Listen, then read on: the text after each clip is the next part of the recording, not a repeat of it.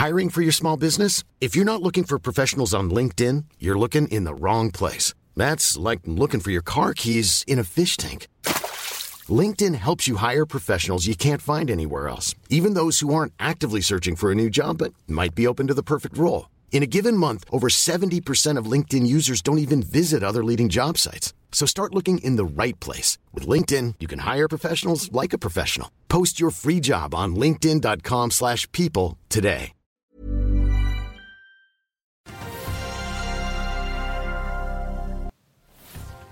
Verden venter på amerikanske jobbtall. Det har forsvunnet 22 milliarder fra norske biotek-aksjer den siste tiden. Og hvordan blir oljemarkedet etter at denne helgen er over? Det er 2. desember, og dette er Børsmorgen.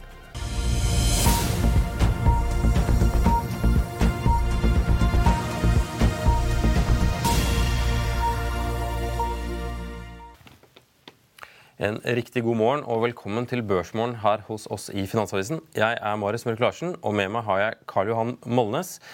Oslo Børs har hatt tre dager med oppgang nå, eh, og la seg i går på 0,15 opp. Eh, samtidig venter at, eh, ventes det at det blir en litt tregere børsdag i dag. Roger Berntsen i Nordnett venter at Oslo Børs da skal ned 0,5% Wall Street i går endte på Eh, opp eh, Nei, Wall Street eh, Unnskyld. Dow Jones endte ned 194,76 poeng, eller 0,56% til 34 395,01. Nasdaq gikk så vidt i grønt opp 0,13% mens SNP på sin side gikk så vidt i rødt igjen, ned 0,09% Ellers var det røde tall i Asia, hvor Nikkei er ned 1,59% og Hang Seng er ned 0,27 Oljen er så vidt videre opp eh, og gikk landet i går på 87,01 dollar. Ja, Karl Johan, god morgen. God morgen. Det er eh, litt av en dag. Det er eh, La oss begynne med Jeg kastet meg over forsiden på Finansavisen i dag, og der Vel, Biotek har ja. noen god fredag. Nei, biotek de, eh, det er litt sånn som Ronaldo sine frispark. Før gikk de i mål, og nå går de over eller i muren. Det er mye, mye som går feil. Og det er jo fordi det er for mye penger eh, som har gått inn i dette, her, og det er for dårlige ideer, rett og slett. Det er eh, vitenskapelige suksesser, det er hårfine marginer. Og om ballen da går så vidt over muren eller han stusser noe, det er bare målene som teller. Det, er, det, skal, det må sitte, det må være vitenskapelig, det må i nettet. og gjør, Får du ikke det, så får du ikke godkjent medisinene. Det er det som er greia. Men for mye penger? Hva mener du? Det alt, eh, altså, det er jo ikke noen ny industri. Eh, jeg var så heldig jeg var i New York på slutten av 90-tallet når danskene drev og, eh, drev og, eh, og, begynte med dette. Det var ikke så mange som holdt på med det. De hadde Neurosearch og eh, disse selskapene som vi reiste rundt. Da, eh, det, det, var jo en periode da at du, hvis du fikk et fase tre-selskap, et selskap som kom til fase 3, så kunne du alltid satse på det selskapet. Du kunne alltid kjøpe den aksjen. Og du ville alltid tjene penger. Helt til Orayan i Finland da, eh, mislykkes med det. Men og så har det rett og slett bare blitt veldig mye mer penger i dette. her, og Dess flere penger, dess færre suksesser, faktisk. Altså, Biotek er jo rimelig risikal business, særlig når du snakker da fase 1 og fase 2. Ja. For all verden putter penger folk, altså, Hvordan kommer det så mye penger inn i dette til å begynne med? Jo, det er jo fordi at eh, før la oss si det sånn, før så hadde vi alt, men vi mangla penger. Og nå har vi masse penger, men vi mangler alt annet. da. Og eh, Hvis du ser på det mest populære fondet i USA, så er det Fidelity Charity Fond. Og Når folk eh, dør, da, så etterlater de seg en god del penger. og De har sånn financial advisors, og de setter gjerne av noen kroner da, til Fidelity's Charity. og Det går jo til forskning, da, til medisin, til, gjerne til å prøve å hjelpe det, det, kurere det som man døde av. Da. Og, så det er en enorm mengde med penger som går inn i forskning. Og, og, og noe av det lykkes jo også. Det er jo, så når det først går inn, da De frisparkene som virkelig går inn, de er jo virkelig fine og hjelper masse. Og løfter alle. ikke sant? Det løfter hele resten av verden når du får et medisinsk gjennombrudd. Men det er mye vanskeligere enn før å lykkes, for det er for mange som prøver. Ja, vanligvis så sier man jo at en, en pille koster én cent. Det er bare det at den første pillen kostet én milliard dollar. Ja, nei, det, du er inne på noe der. Du er inne på noe der. der eh, men der eh, ja, Du kan se hva er de mest populære legemiddelaksjene nå. Da? Det er jo United Healthcare. Da er jo den aksjen som går bra. Det er den største sykehusaksjen i USA med 350 000 ansatte. Så det, det, De som har healthcare-fond, har jo tatt hensyn til dette. De ser jo at det er vanskelig å tjene penger på å utvikle medisiner, og det er lettere å tjene penger på å eh, behandle eldre. Da. Disse eldre folka, det sikrere er du på at du har dem som kunder, og det er den sikreste businessen du kan ha. Da. Mm. Det... Men for de norske biotek-aksjene, da, altså, hva er det som har skjedd som gjør at liksom, 22 milliarder da er eh, borte i verdi? Altså, nå er jo, mye av dette er jo Nykode, som var dette, som er jo også da cover-saken, eller coverboyen her i ja, det, dette, dette, er, dette, er, globalt. Altså, du, du kan gå og se på Orbiband, som er kanskje et av de beste healthcare-fondene, eh, kraftig ned. Altså, dette er globalt, det gjelder, det gjelder, ikke bare i Norge. Så det er en, den likviditetsboblen som ble løfta ut av pandemien, som løftet alle kursene til himmels. Løftet teknologiaksjer og biotech-aksjer, Og en god del av dette her skyldes det at du har hatt bobleprising på alt i hele verden. Så det er ikke bare Oslo Børs. Mm. Hvor mye av dette preges av markedet som vi har sett i høst? Altså, du snakker om at, at, det er veldig mye penger som går inn, men, men liksom, er dette bare bare usikkerhet, eller er det, altså er det, det at nå begynner folk å flytte penger over i mer liksom, sikre, sikre, ting? Ja, det er jo det. Så, så trenger man jo pengene til andre ting. Det jo, eh, men, men det, er jo, det er også fordi at selskapene ikke lykkes i sine studier. at det, du, du, du, har jo en viss tid du ser det, men nå er Og, de har prøvd å gå ut til alle verdens legemiddelselskaper, og ingen av de store vil kjøpe. De har funnet et lite selskap i, i Trondheim å fusjonere med. og, eh, og så stemmer jo til og med de private aksjonærene stemmer jo dette ned uten å ha noe alternativ. Så her er jo rebeller også i tillegg til dette. her. Altså, det, jo... en, uh, det, var, det, var, en morsom formulering i den saken vi hadde ja. om det nå, hvor, uh, hvor det ble poengtert at, at majoriteten av, uh, av, de som stemte ned dette her, var overraskende nok fra en gruppering som hadde, var dannet utelukkende for å nedstemme denne fusjoneringen. Ja, nei, det, vi er, det er nihilismens tid.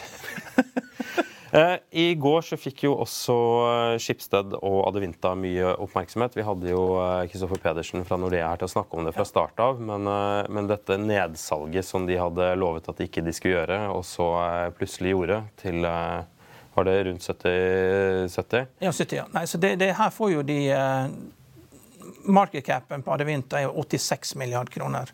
Schibsted på 45 på det halve. Altså når du selger 5% så får du ut 4,5 milliard kroner. Gjelden til Schibsted 9 milliarder. Så her eh, Du får ikke bare til å nedbetale gjeld, men du får jo også eh, penger til å kjøpe tilbake en aksjer. ikke sant? Så det du får kanskje 3 milliarder går til gjeldsnedbetaling, og så 2 milliarder til å kjøpe tilbake en aksjer. Altså, det som ingen liker å snakke om her, er jo at Adevinta er verdens dyreste aksjer. ikke sant? Det er jo, og, og de norske analytikerne som følger dette, de virker jo helt virkelighetsfjerne. Altså, jeg ser på kursmålene. liksom det er jo, De som har riktige kursmål, er noen utenlandske analytikere. En dame fra Berenberg, Sarah Simon.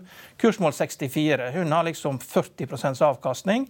Og de fleste andre norske analytikerne som har fulgt dette, de har minus 40% avkastning. Så de, de, må slutte å tro vi i 2021, der du kan sitte og sammenligne på EBITDA på sånn der 20 eh, ganger EBITDA på luftige multipler. Du må stikke fingeren i jorda. og det er nedgangskonjunktur i Tyskland, og dette selskapet her, inntektene vokser knapt nok raskere enn inflasjonen. Så det er, det er styrt av en franskmann, og han skal styre tyskere. Så lykke til med det. eh, ja, nei, fordi Vi hadde jo han Kristoffer Pedersen her i går fra Nordea. Han påpekte jo at Adevinta de, kunne, altså de, hadde, de hadde 40% av businessen deres, Adevintas business, er bilmarkedet. Og det, nå, altså, Bilmarkedet har jo vært relativt eh, merkelig eh, siden egentlig før pandemien startet. Eh, og det har manglet biler. De har skrudd opp prisen 33 eh, for å kompensere for liksom litt bortfall av annonsering. Nå, jo, nå, var jo han en av de som mente at, at dette, når liksom leveranseproblemene nå kanskje løser seg, så vil dette gå opp. Men er det, noen, er det noen grunn til å tro at dette løser seg sånn i det nærliggende bildet? Altså, jeg ser, de, der er jo liksom 27 analytikere som følger dette. her, og I sum så går salgsestimatene opp med 12 for neste år. Og det er fortsatt en av verdens dyreste aksjer. Så du må jo liksom se hele selskapet under ett, ikke bare én vertikal, som selv, selv, om den er viktig. Og, mm. og, Når du øker prisen, så mister jo du volum. Og, og, det er jo, eh, Tyskland er jo ikke det festligste markedet å selge til. Og, og det er en nedgangskonjunktur, og det vil jo alle merke. Ja, det er nedgangskonjunktur, men det er jo også masse problemer fremdeles for bilbransjen. Man lar seg kanskje i fall her hjemme narre litt at nå plutselig kommer det masse billeveranser. Men det har jo mer å gjøre med Slagsvold Vedum eh, og hans nye eh, ja. avgift, ja. Må, hvor bilene må prøve å leveres før 1.1., enn det egentlig viser seg at noen ting er løst. Nå så jeg i hvert Toyota i, eh, i, USA hadde gått ut og sagt ifra at nei, ja, ok, vi selger litt mer nå enn vi gjorde før, men produksjonen er fortsatt ganske vanskelig i 2023. Og Det samme har vel også BMW meldt sist jeg sjekket. Så ja. det er ikke så helt sikker på om dette er helt i mål, selv om de, de håper på det. Jo da, men det, vi, det, er jo greit hvis man har prisingsmakt og kan øke prisene. Så vil vi jo se det i estimatene. Da da vil jo resultatene stige. Men fortsatt er det en av verdens dyreste aksjer. og De har ikke justert seg. Det er jo folk som har kursmål på 140 her, så da må vi liksom sjekke om det er feil i regnearket. ikke sant? Det er jo vi eh, skal ta en liten pause straks, før vi får inn vår gjest Anders Johansen fra Danske Bank. Eh, men før det så vil jeg bare minne om at denne sendingen kan du enten se på fa.no slash tv når du vil, eller du kan høre det som podkast der du finner podkast. Søk opp Økonominyhetene eller Børsmorgen, så finner du begge deler. Eh, og med det så er vi straks tilbake. La oss i Finansavisen hjelpe deg med å holde deg oppdatert på alt som skjer i finans og næringsliv. Hver morgen er jeg, Marius Lorentzen, og aksjekommentator Kai Lohan Målnes på plass i studio for å ta tempen på dagens marked i Børsmorgen. På ettermiddagen oppsummerer vi alt du trenger å vite i Økonominyhetene, og så får vi selvfølgelig besøk av masse interessante gjester. Du finner oss på fano-tv, eller ved å søke opp Børsmorgen og Økonominyhetene der du hører på podkast. Hiring for your small business? If you're not looking for professionals on LinkedIn, you're looking in the wrong place. That's like looking for your car keys in a fish tank. LinkedIn helps you hire professionals you can't find anywhere else, even those who aren't actively searching for a new job but might be open to the perfect role. In a given month, over 70% of LinkedIn users don't even visit other leading job sites. So start looking in the right place. With LinkedIn, you can hire professionals like a professional. Post your free job on linkedin.com slash people today. I'll see you in court. Vi sier det ofte litt på spøk, men for deg som driver business, er det aldri moro å innse at du ikke har laget en 100% gyldig kontrakt. Du bør ikke risikere hele firmaet ditt fordi du synes dette med kontrakter er litt stress. En avtale er ikke en avtale. Du kan miste kunder, miste venner, ja, til og med miste inntekter om du ikke lager en skikkelig kontrakt, på alt mulig, egentlig. Men vi vet det er et styr, kopimaskiner, tregprinter og haugevis av papir. Dessuten stoler vi jo på folk her i landet. Det er ofte litt kleint å skulle be om en signatur for alt mulig, ja, for mye av styret handler også om jakten på underskriften. Det finnes en enkel måte å løse dette på, Dukkobit, en trygg, effektiv og get this, gratis måte å sikre seg en god natts søvn pluss en juridisk bindende avtale. Dukkobit-appen har de strengeste sikkerhetskrav i bunn, samt en EU-godkjent og sertifisert teknologi. Framover vil det bli behagelig å spørre du, skal vi skrive under på det, eller? Kom i gang på dukkobit.no.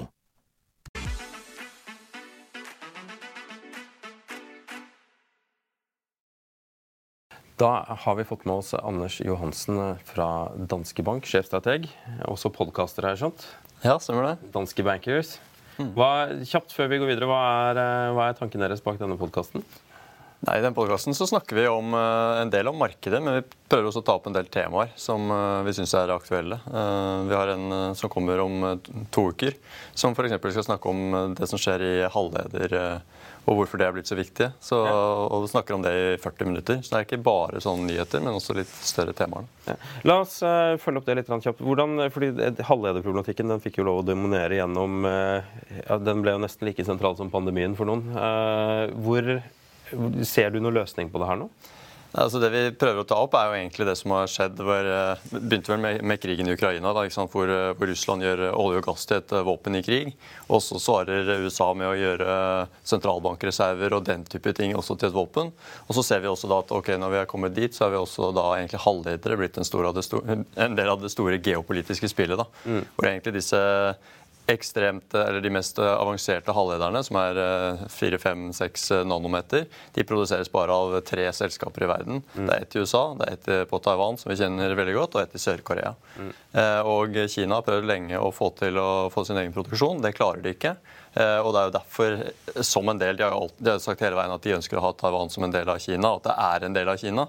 Men det at deres fremtid som teknologiland avhenger av, eh, av, Taiwan, det er ekstremt viktig. da. Så, så, det er liksom mest fokus på det, ikke så på det kortsiktige og de tingene der. der der har ikke vi noe, noe, edge, for å si det sånn. Der, eh, der Dere var inne på det med biler og de tingene. Det må nesten høre på de selskapene som, som prøver å få tak i det. da. Mm.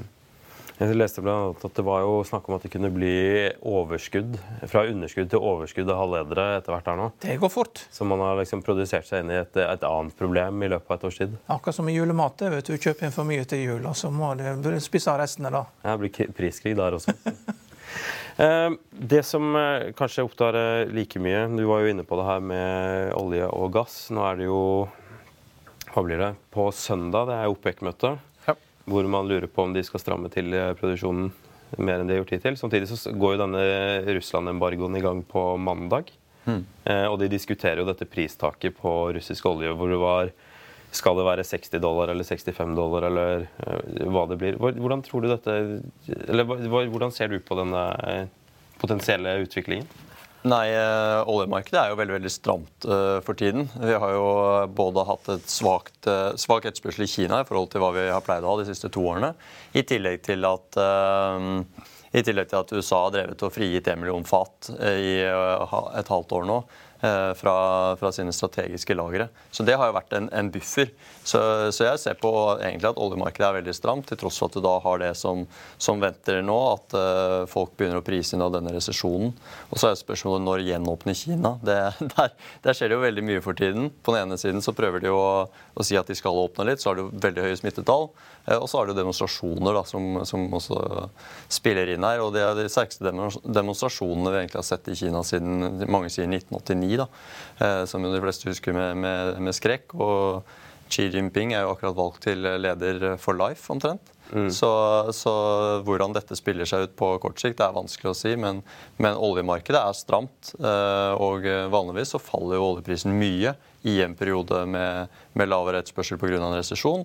Eh, og det er jo det som, som, jo OPEC her har vært inne og sagt at de ønsker jo å opprettholde en pris. Eh, så flere som sier at en, en, pris på snittet av det vi har hatt i år, som er 97 dollar, det er der OPEC ønsker å ligge sånn røftlig.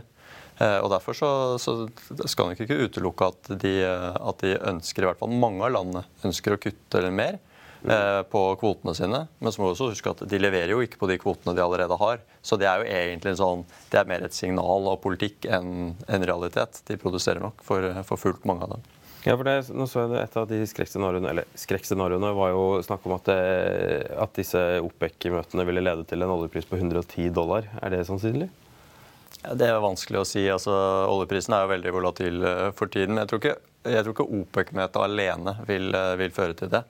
Um, fordi det er jo hele veien en forskjell på hva de sier og hva de gjør. Og de hadde jo en, en periode hvor de hadde kvoter som var 3,5 millioner fat høyere enn hva de faktisk produserte. Mm. Uh, og det er jo det de 3,5 millioner fatene, eller det, det, er den produksjonen som faktisk går inn i markedet over tid, som betyr noe. Ikke hva de sier at de skal produsere. Hvordan vil den uh, Russland-embargoen slå inn? Og har du noe tro på dette oljepristaket? Eh, for å være helt ærlig så forstår jeg ikke helt hvordan, hvordan det pristaket skal fungere sammen med en embargo. Hele poenget med embargoen er jo at de ikke skal importere den oljen. Men verden trenger jo olje fra Russland. Det er det ingen tvil om. De, de, produserer 10,5 millioner fat og eksporterer vel rundt fire av dem. Eh, vi kan ikke bare vi, vi trenger alle de fire millioner fatene. Eh, og, og, går det ikke til EU eller noen av de landene, så, så, må det et annet sted. da. Og Det er vel også grunnen til at vi ser at fraktratene i, i stortank er så høye for tiden. Det at, eh, at, det er mye mer effektivt å sende oljen så kort som mulig. Hvis du istedenfor å kjøre den via noen oljerør må kjøre den via halve, rundt halve verden, så tar det lengre tid mer etterspørsel etter uh, VLCC-er osv. Så... Men et pris, sånn, altså, pristaket her er jo i praksis du får ikke lov til å kjøpe olje av Russland. Hvis du skal kjøpe av Russland, så må du likevel betale 60 dollar. Eller, eller maks 60 dollar. Høres ikke det rart ut. Du får ikke lov å kjøpe, men hvis du likevel skal ja. kjøpe Men vil ikke dette bare gjøre at, at, at Kina og, og, India sier til Russland at vi gidder ikke å betale dere mer enn 61 dollar for oljen, da, med andre ord? Jo, jo, jo, sikkert. Jeg vet ikke akkurat hvordan, de, altså hvordan Kina og India opererer. Det, det, det syns jeg er vanskelig å, å, vite. Det som er tydelig, er i hvert fall at de har vært tager av den oljen så lenge det går. Det jeg er mer bekymret for på sikt, er jo hva skjer eh, neste år, når vi har vært på en måte lenge uten vestlige eh, oljeservicearbeidere inn i Kina, nei, inn i Russland. Hvor lenge klarer man å, å opprettholde de, den produksjonen på 10,5 millioner fat? Mm. Som sagt, vi trenger den oljen.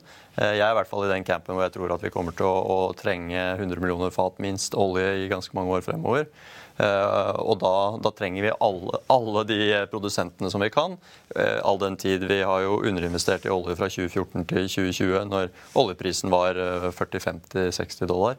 Ikke 100, 100 pluss som var fra, i perioden frem til 2014. Mm. Så, så, jeg tror det, det, det, er på en måte det lange bildet der er mye viktigere. Hvor, hvordan skal uh, Russland klare å opprettholde. Og Vi så også i dag i avisen det står at det er ganske tydelig at uh, Problemet i Russland nå er jo når de stadig vekk pøser inn flere soldater. De tar ut uh, bønder og, og, sånt noe inn i, i militærstyrkene sine. Har de problemer med å fylle de vanlige jobbene i, i Russland.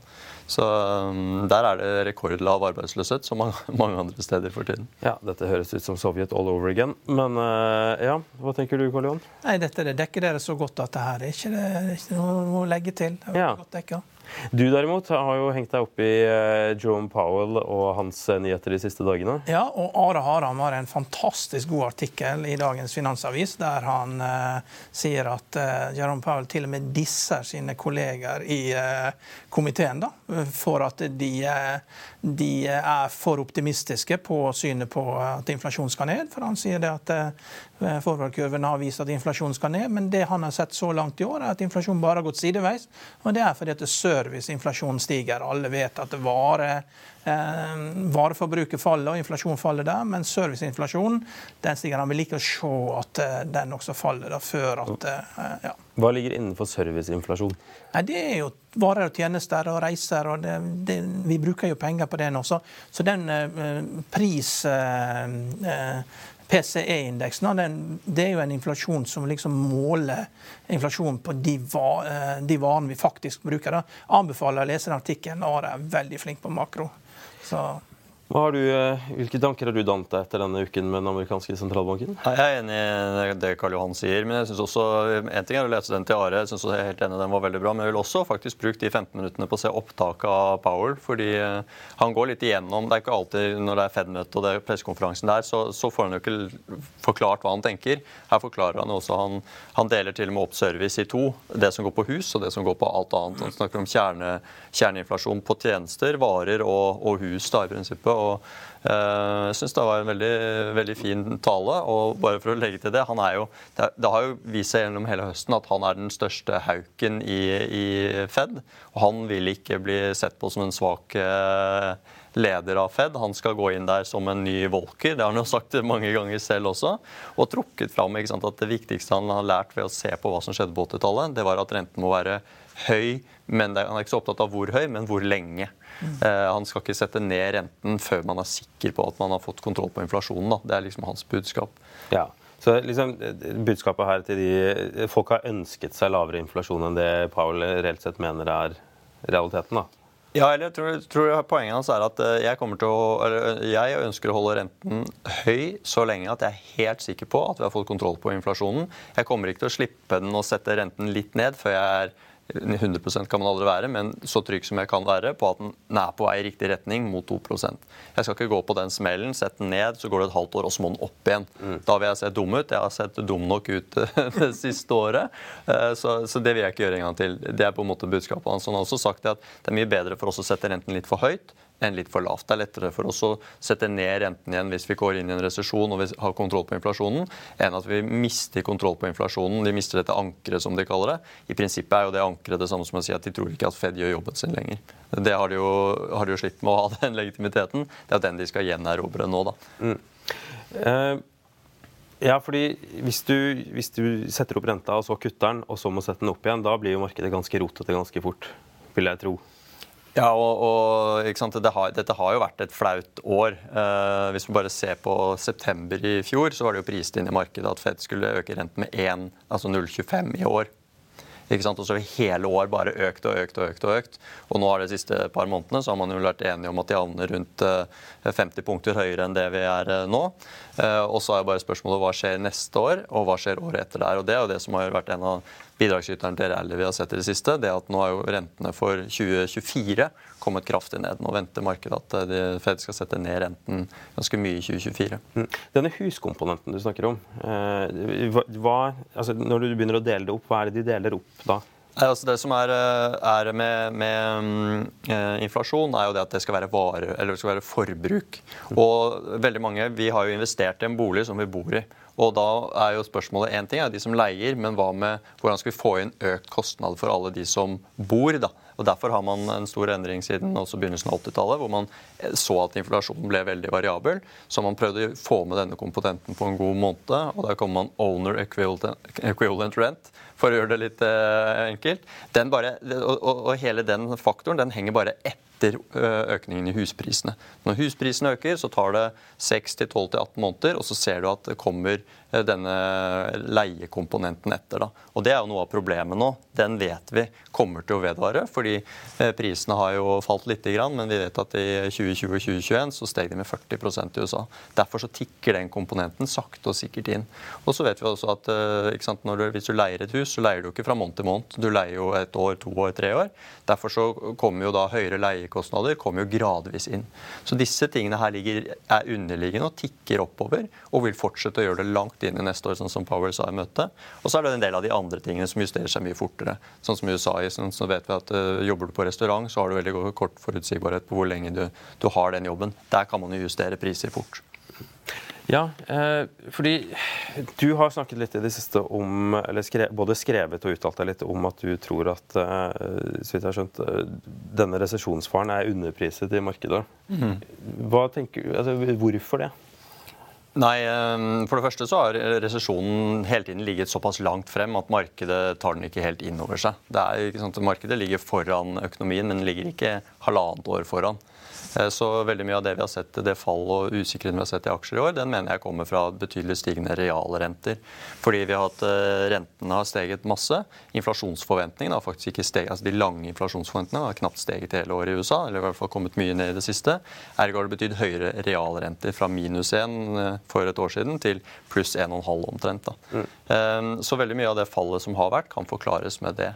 Og så eh, I løpet av høsten nå, så har det ikke kommet noen tegn egentlig på at eh, det går bedre i økonomien i USA enn, eh, enn det vi hadde trodd på forhånd. Det går egentlig bare dårligere og dårligere, og det gjelder egentlig overalt. Kanskje litt bedre i Europa fordi vi, vi frykter litt mindre at det blir helt krise i vinter pga. strøm. Fordi vi har, vi har, fått fulle lagre, og vi har også hatt en mild november. Men vi er jo ikke ute av, av skogen enda der heller.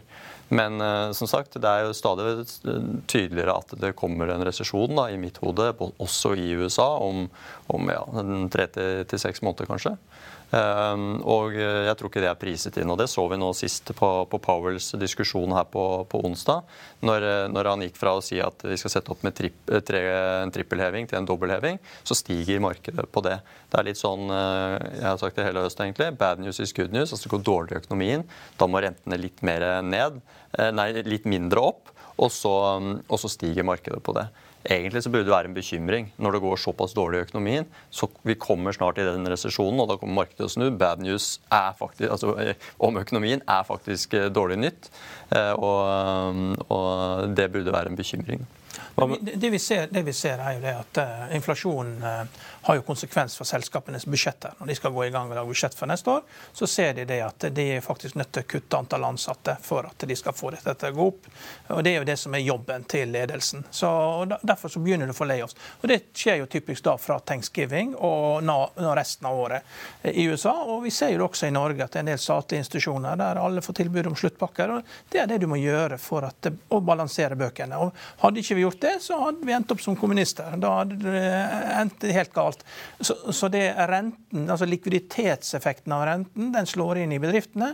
Og selv hurtig kraftigst voksende selskapene som driver med cybersecurity, merker nå at kundene sier at nå må vi passe på litt her, nå må vi utsette prosjekter. Og, og, og ting som før var ansett som livs, livsviktige, de er kanskje ikke viktige neste år, men de blir viktige året etter. Så det, eh, økte renter har effekt på likviditet, og det er likviditet som styrer børsen. For dere, når dere da sitter, Du sitter da og tror at det blir en resesjon, så vidt jeg skjønner. Mm. Det må vel kunne tolke det ditt hen. Ja. Eh, hvordan, navigerer, eh, hvordan, navigerer man i aksjemarkedet når man står med en eh, resesjon liksom hengende over seg?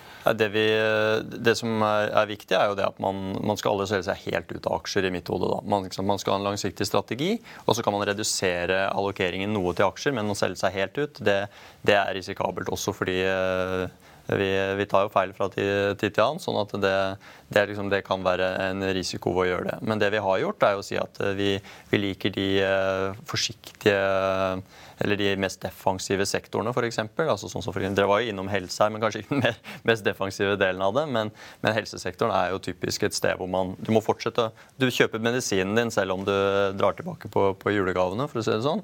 Um, vi liker forsyning, de, eller det, det, kalles forsyning. Jeg liker bedre utilities, da, som er det engelske begrepet. Det er selskaper som du betaler også strømregningen din uh, som noe av, det, noe av det siste du gjør. Uh, de har slitt nå pga. høyere renter. Vi tror renten er eh, over toppen, eller lange renten er over toppen. Da kommer de også til å gjøre det bra. Og Så er det kvalitetsselskaper. Selskaper som har gode marginer. Det kan godt ha en del giring, men de har da i så fall en stabil Eh, inntjeningsmodell. Da, sånn at de, de, klarer å betjene gjelden sin også i dårlige tider, og kanskje kan komme ut i andre enden eh, styrket eh, ved at noen av de dårligere konkurrentene enten er borte eller konsolidert eller den type ting. Så, så det er måten vi liker å, å gjøre det på, egentlig. Hva med deg? Ja, nei, det er, Vi er på vei inn i en nedgangskonjunktur. Merker det på selskapsresultatene. og Det er ikke diskontert i kursene. Det er fortsatt veldig optimistisk. og Eh, jeg tror det vi må bare vente og se på likviditetseffekten av rentene biter. Og det ser jo selv i Norge at eh, folk som trodde de satt i veldig trygge, langsiktige eiendomssyndikater, må hoste opp millionvis av kroner. og det, De fleste merker jo det. Eh, selv uansett hvor mye penger du har. hvis at det, det kommer. Det er, jo, det er jo nesten tilbake igjen til KS-tiden, når du fikk uinnkalt egenkapital. og, og det, det merkes. Mm. Helt på slutten her nå, Vi må snakke litt om eh, krypto. fordi oss, for et år siden så var det helt andre grunner til at man snakker om krypto enn man gjør nå. Nå har jo dette vært en ganske elendig høst for eh, krypto, og det har jo vært ganske dratt av den godeste hva er det, Sam Bankman-Fried. Ja, FTX. Han, han, dukket jo opp med Andrew Ross Sorkin, som både skrev Too Big To nei, var, ikke, Jo, det var Too Big To Fail, var det ikke det? Eh, denne boken om hvorfor alle bankene raste under finanskrisen. Han har jo også vært mannen som har stått bak manuset til Billion-serien, i tillegg til å være en eh, finansjournalist. Og den Facebook-TV-filmen også, den uh... Nei, det er Andrew Sorkin igjen. Det er han som står bak The West Wing. Ah, ja, riktig. Så, eller Det hvite hus, eller hva det Presidenten heter på NRK når det ble sendt på NRK for 20 år siden. Men uansett, du skrev en relativt, eller en veldig interessant kommentar om dette i dagens avis. Fordi du gjorde det noen betraktninger om, om både diktaturer og amerikansk økonomi. Ja, altså, jeg har jo fulgt krypto med interesse. Da. Så det er Rob Gensler som er Nei, Gary Gensler som er leder for Security Exchange Commission, han har jo vært ute og sagt at det liksom er bare bitcoin som kvalifiserer til å være et verdipapir. Og De har en såkalt sånn Howie-test. Og Alt det andre det vet man ikke helt hvordan man skal plassere eh, krypto. Da. Og og commodity-børsen, som ikke er verdipapirer, de er selvregulert. Og de, eh, de, ønsker ikke å ha krypto inn i De har gjort alt de kan. Da. De har foreslått å opprette egne selvregulerende handelsplasser og ikke børser. Og eh, Oppi alt dette her så har altså FTX blitt startet, og det er en veldig eh, spesiell bakgrunn. Ingen som vet hvor pengene kommer fra. Eh, og de har bare satt i gang, satt i gang og, og, og, og startet en handelsplass. og har startet med en, en trade ut fra Japan, en kimchi-trade, en arbitrasjetrade. Men, men hele greia her lukter sånn tre bokstaver, USA-institusjon bak, hvor man da kjører i gang. Og de har hatt bilder av han Sam Bankman billboards over hele USA ansiktet hans overalt. Han har veldig lett gjenkjennelig eh, ansikt og hår. Det er sånn Fellaini i litt eh, forminska utgave. Litt mer fett og litt mindre lengde men lett å huske. Og han er overalt. Og så får du da i tillegg eh, Tom Brady, mest likte quarterbacken i USA, og kona Giselle Bündchen på TV-reklamer. Og de driver og ringer rundt til folk 'Are you in?' er det de spør om. Og, og, og da disse B-kjennene som alle kjenner igjen, da, New York Jets med hjelm og fans. Og sånne folk som du liksom De sier 'yes, I'm in'. ikke sant? Så du pusher efter. Så du får med alle. ikke sant? Du, du drar liksom alle idiotene inn. Alle som lar seg lure, de går på limpinnen. da. Ja, og, og, og, så, og, så, går dette eh, over ende. og de, Han prøver jo å kjøpe opp alt som går over ende. Det prøver han å kjøpe opp og konsolidere. For hans mål det er jo å få en regulert børs i USA. Det har vært målet. da.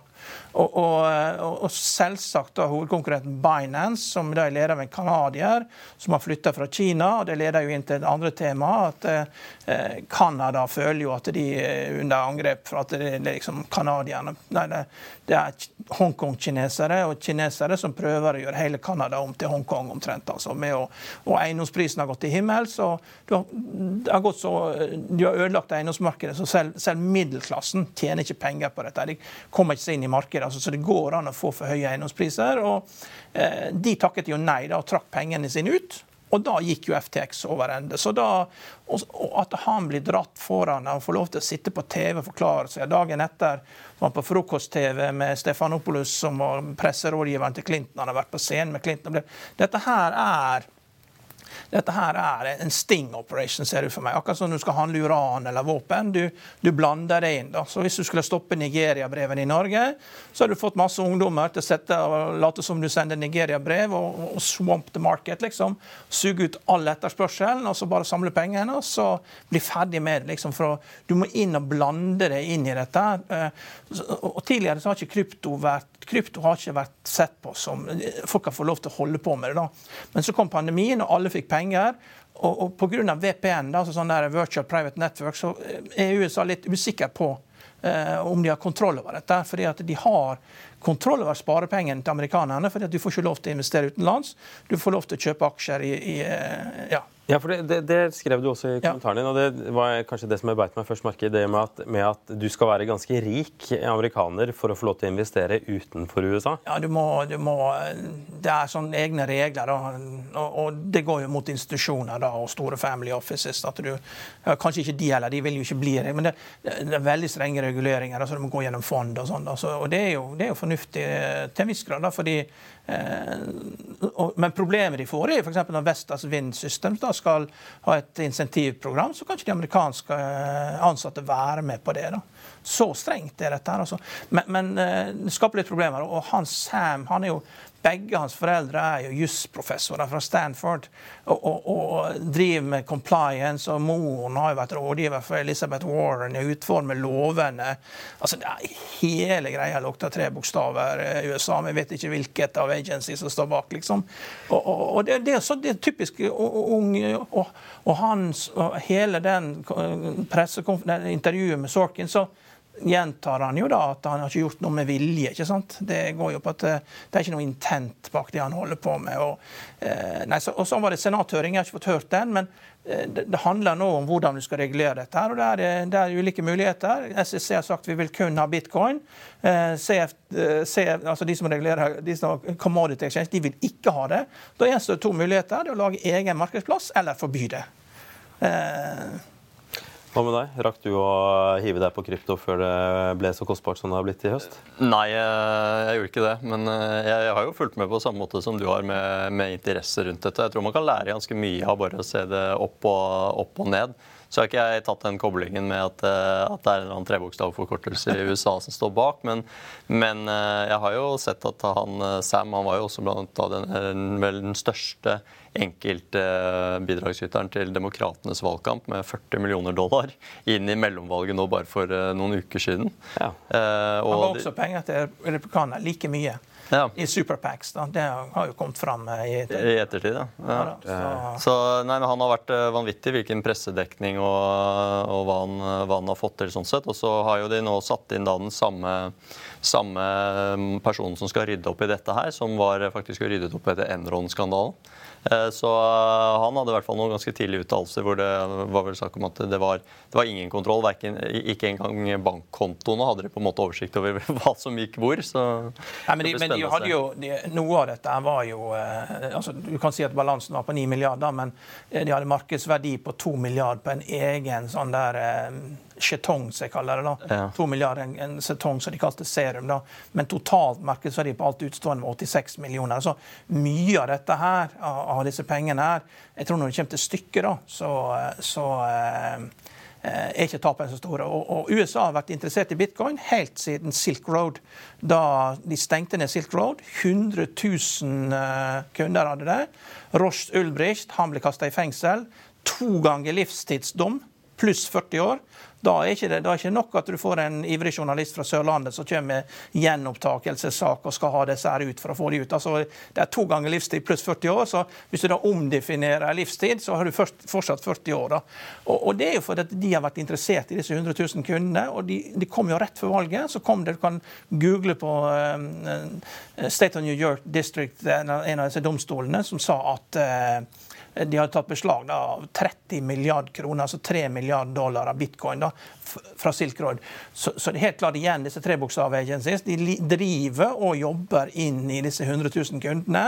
Eh, hvem disse her er, og prøver å finne ut. Så, så, så, og, og, så er jo, ettersom Jeg forstår, jeg kan ikke alt om krypto, men det er jo ikke så anonymt som folk vil ha det til å tro. da. Uh, og, uh, så det, her er jo en masse ting her som vi ikke vet, men, men at, det, at det de ikke følger med, det skal man ikke tro. altså. Det, det, er vel kanskje en av de mest overraskende tingene. Det, det, at det skal være så anonymt. Da. Det som jeg i hvert fall vet, er at i det øyeblikket de finner ut koden din til, til hvem du er, så kan de jo følge alle transaksjoner bakover. Det er jo hele poenget med denne blokkjeden. Sånn at i det øyeblikket de knekker på en måte hvem er, hvem er du i, i disse eh, kodene her, så, så, så, vet du alt du har gjort. Så, så eh, anonymt er det ikke, og strengt talt så, hørte jeg et intervju med en, en, eh, sånn Eh, som jobber med den type ting i Norge i sommer. og Han sa jo det at tvert imot, eh, dette er jo egentlig eh, veldig fint for oss som driver og leter etter ulovligheter, fordi, fordi du har en sporbarhet her som, som, du ikke har nesten på noe annet. Mm. Anders, tusen takk for at du kom i studio. Det er fredag, så jeg skal da benytte anledningen til å minne folk også på den fantastiske Enron-dokumentaren 'The Smartest Guys in the Room', for de som trenger god underholdning i helgen. Eh, dette var Børsmorgen for 2.12. Husk å få med deg økonominyhetene klokken halv tre. Da er Marius Lorentzen tilbake igjen i studio. I mellomtiden så får du siste nytt på fa.no gjennom hele dagen. Og så ønsker vi deg både en riktig god dag og en riktig god helg, og takk for nå.